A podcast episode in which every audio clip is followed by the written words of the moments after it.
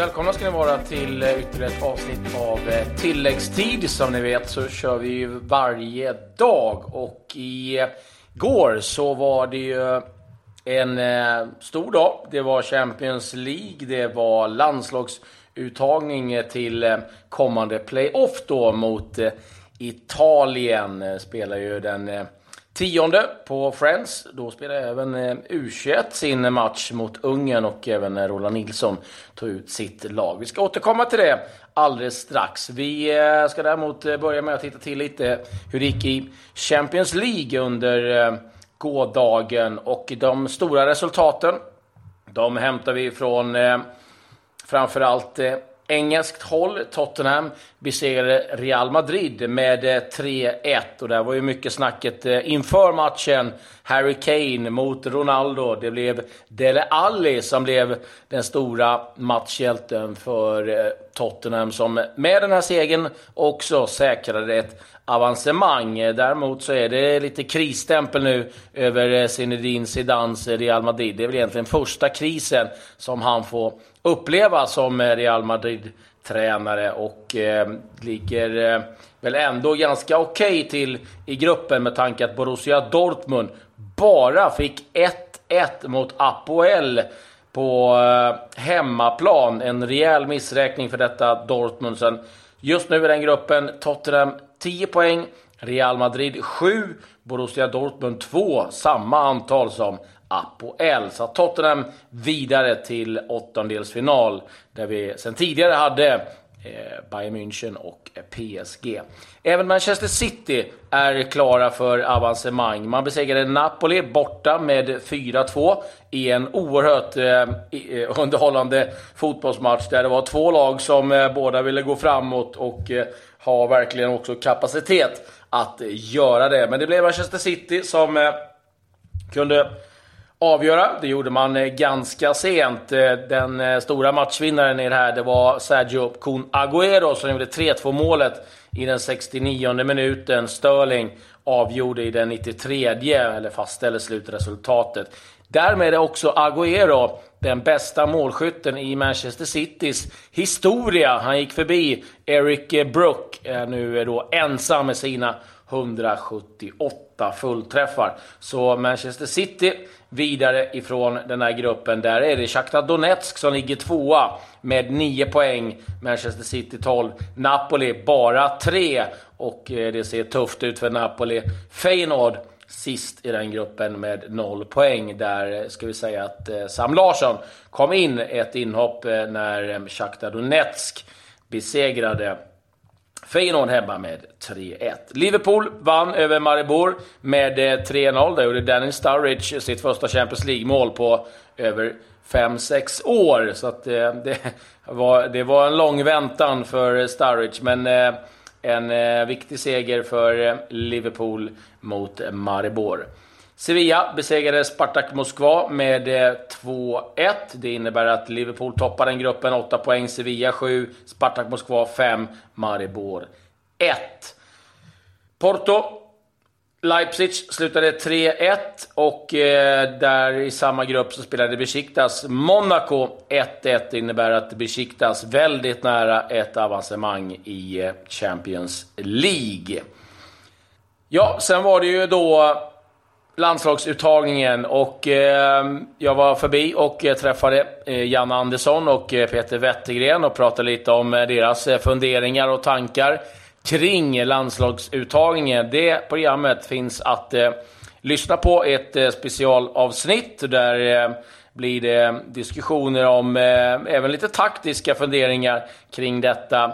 Italien som har lite problem, med Ventura, med hur han ska ställa upp sitt lag. Eh, en del taktiska eh, bekymmer med också vilka han ska spela. Men eh, Patrik, han fick däremot tag i eh, Johan Larsson som eh, givetvis är oerhört glad över sin landslagsplats till eh, den här samlingen, alltså uttagen. Så här har vi eh, en intervju med Johan Larsson. Ja, det här kom ju som en överraskning, eh, Johan, utgår ifrån, eller hade du koll innan?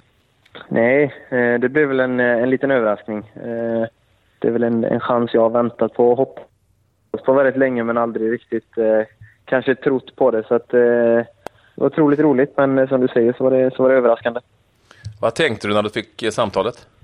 Jag har inte fått något samtal än. Så att, jag, det var mer, jag hade på presskonferensen lite här i bakgrunden. Jag hade väl en, en liten, liten förhoppning med tanke på att jag visste att Lustig var, var avstängd och att jag, jag var med i, i bruttotruppen. Så, ja, så slog jag på det här i bakgrunden och, och ja, lyssnade lite och hörde med ett halvt öra att mitt namn ropades upp. Så det var ju, det var ju rätt roligt. Eh, ja, alltså man är ju alltid, det är ju så att förbundet skickar alltid ut en bruttotrupp med ganska många spelare till klubbarna för att de ska förbereda dem på att det kanske blir en uttagning. Eh, hur länge har du varit med i den bruttotruppen då? Vet du det? Uh, nej, det vet jag inte, men jag, jag hade ju ett snack med, med Wettergren redan när uh, han och, och, Janne blev tillsatta som, mm. ja, som förbundskapten och assisterande då. Så, och då, då var jag en av de spelarna de skulle hålla koll på. Uh, så sen dess har jag väl med i i tänket i alla fall enligt, enligt Peter. Och sen vet man inte hur mycket han ljuger. Men eh, eh, det är väl den, eh, den infon jag har fått och, och ja, har varit med i bruttotruppen ett par gånger som sagt.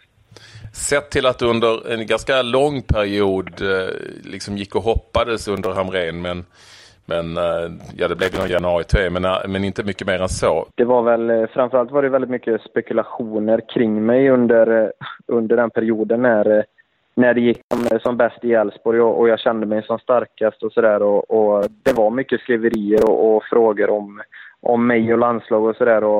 Det byggdes ju upp en, eh, en tro och ett, eh, vad ska man säga, ett hopp om det också, men eh, chansen kom aldrig. Och det kändes som att jag fortsatte prestera utan att det, det dök upp någon chans. Och då, då kände jag väl att det, loppet var, var över för min del. Och det är inte så att jag är turung längre heller. Så att, det är väl klart att man ja, jag ska väl inte säga att jag hade gett upp, men jag kände väl att chanserna hade minskat. Vad säger du i, i övrigt då om eh, varför du tror att det nu har blivit läge som inte fanns när du var ung och snabb? Ja, men du fattar. Yngre. Ja. Eh, nej, men först och främst så hoppas jag väl att det är på grund av mina kvaliteter som, eh, som man har fått upp ögonen. Det, det får man väl hoppas eh, först och främst. Men sen så, så är det klart att det, det kom in eh, nya ögon och, och se på, på mig med ett annat sätt också. Eh, inga, inga, vad ska man säga, förutsatta meningar är väl fel ord, men eh, inga, inga meningar alls utan jag startar på noll som, som alla andra. Och, och de, eh, det har ju varit en, en liten, eh, vad ska man säga, ett generationsskifte där, där många spelare har gjort det otroligt bra, vilket jag tror gör det än, än mer enkelt att slussa in nya spelare och inte den här man säga, fegheten för att ta med nya spelare utan istället tvärtom. Att man, man ger chansen till de som, som känns heta. Har du varit med någon gång tidigare när det har varit liksom på riktigt? Nej, det har inte varit. Utan jag tre, tre landskamper och alla i januari, under eh, januari-turnén. Och, och nu är det jävligt mycket på riktigt dessutom. Nu är det väldigt mycket på riktigt. Jag snackade med Viktor Claesson här innan. Han sa att det passar nu när det, när det börjar bli allvar. Då, då kommer du. Så det, det var lite roligt. Men det, nej, det, det är bara en, en tillfällighet att just det är i ett playoff. Men otroligt roligt att få, få chansen trots det. Vad eh, hoppas du kunna tillföra? Eh, men, alltså, först och främst så, så, vet jag väl min plats också. Eh, det är inte så att jag tror att jag kommer gå in och spela 90 i de här två playoff-matcherna. Utan eh, det är bara att försöka känna av läget där, hur, hur alla i gruppen är och lära känna först och främst. Och sen eh, vara med och stötta på, på ett schysst sätt eh, runt omkring. Och, och eh, så är det klart, jag kommer inte stå där och, och ska man säga, stå i ett hörn heller. Utan jag, jag ska försöka göra det jag är bra på. Det, det är framförallt mitt, mitt offensiva spel och det, det kommer jag försöka bidra med på träning och så, så får vi se vad det, det blir med det. Och alla fattar ju läget. Eh, jag vet inte riktigt vad, vad har dina danska polare sagt nu när de fick lyckolotten och vi fick eh, lite nitlott?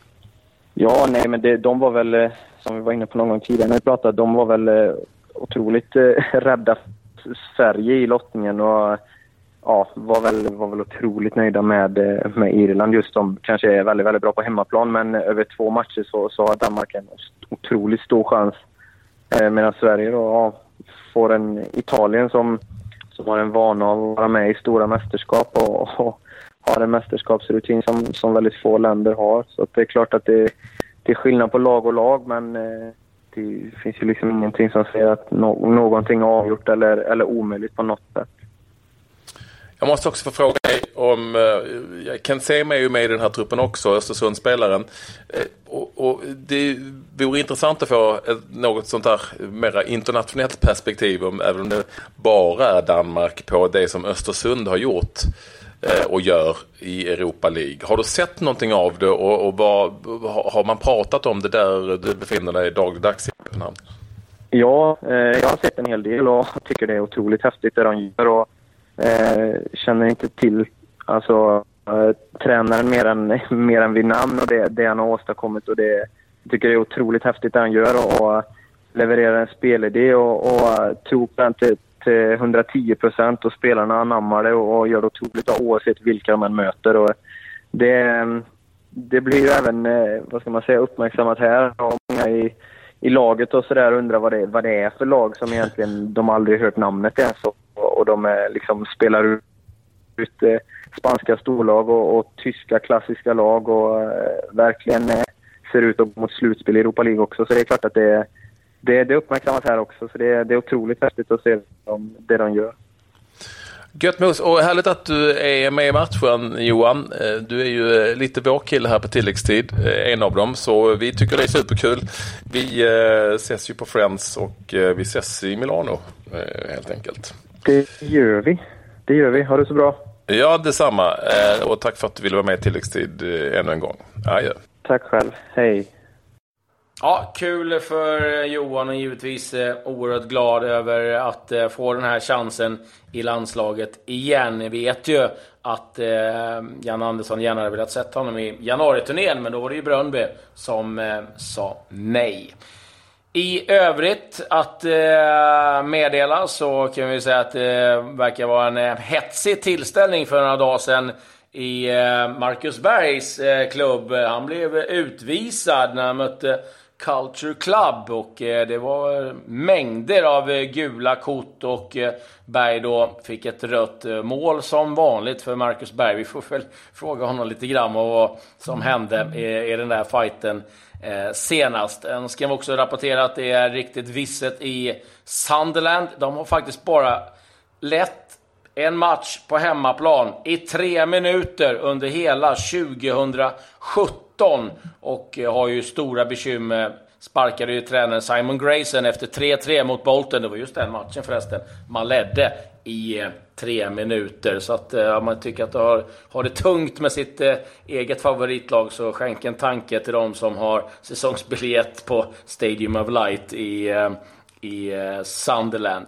Övrigt kan vi nu eh, säga att det kommer uppgifter ifrån eh, Portugal om att Västerås har fått 40 40 miljoner totalt för eh, Victor Nilsson eh, Lindelöf och eh, det där har ju varit välförtjänta pengar får vi kanske säga, och framförallt välbehövliga är väl kanske ordet jag letar efter mest för detta Västerås som haft stora bekymmer med ekonomin. Vi är tillbaka med ett nytt avsnitt av tilläggstid imorgon och missa som sagt inte tilläggstid special med Wettergren och förbundskapten Janne Andersson. Adjö, adjö.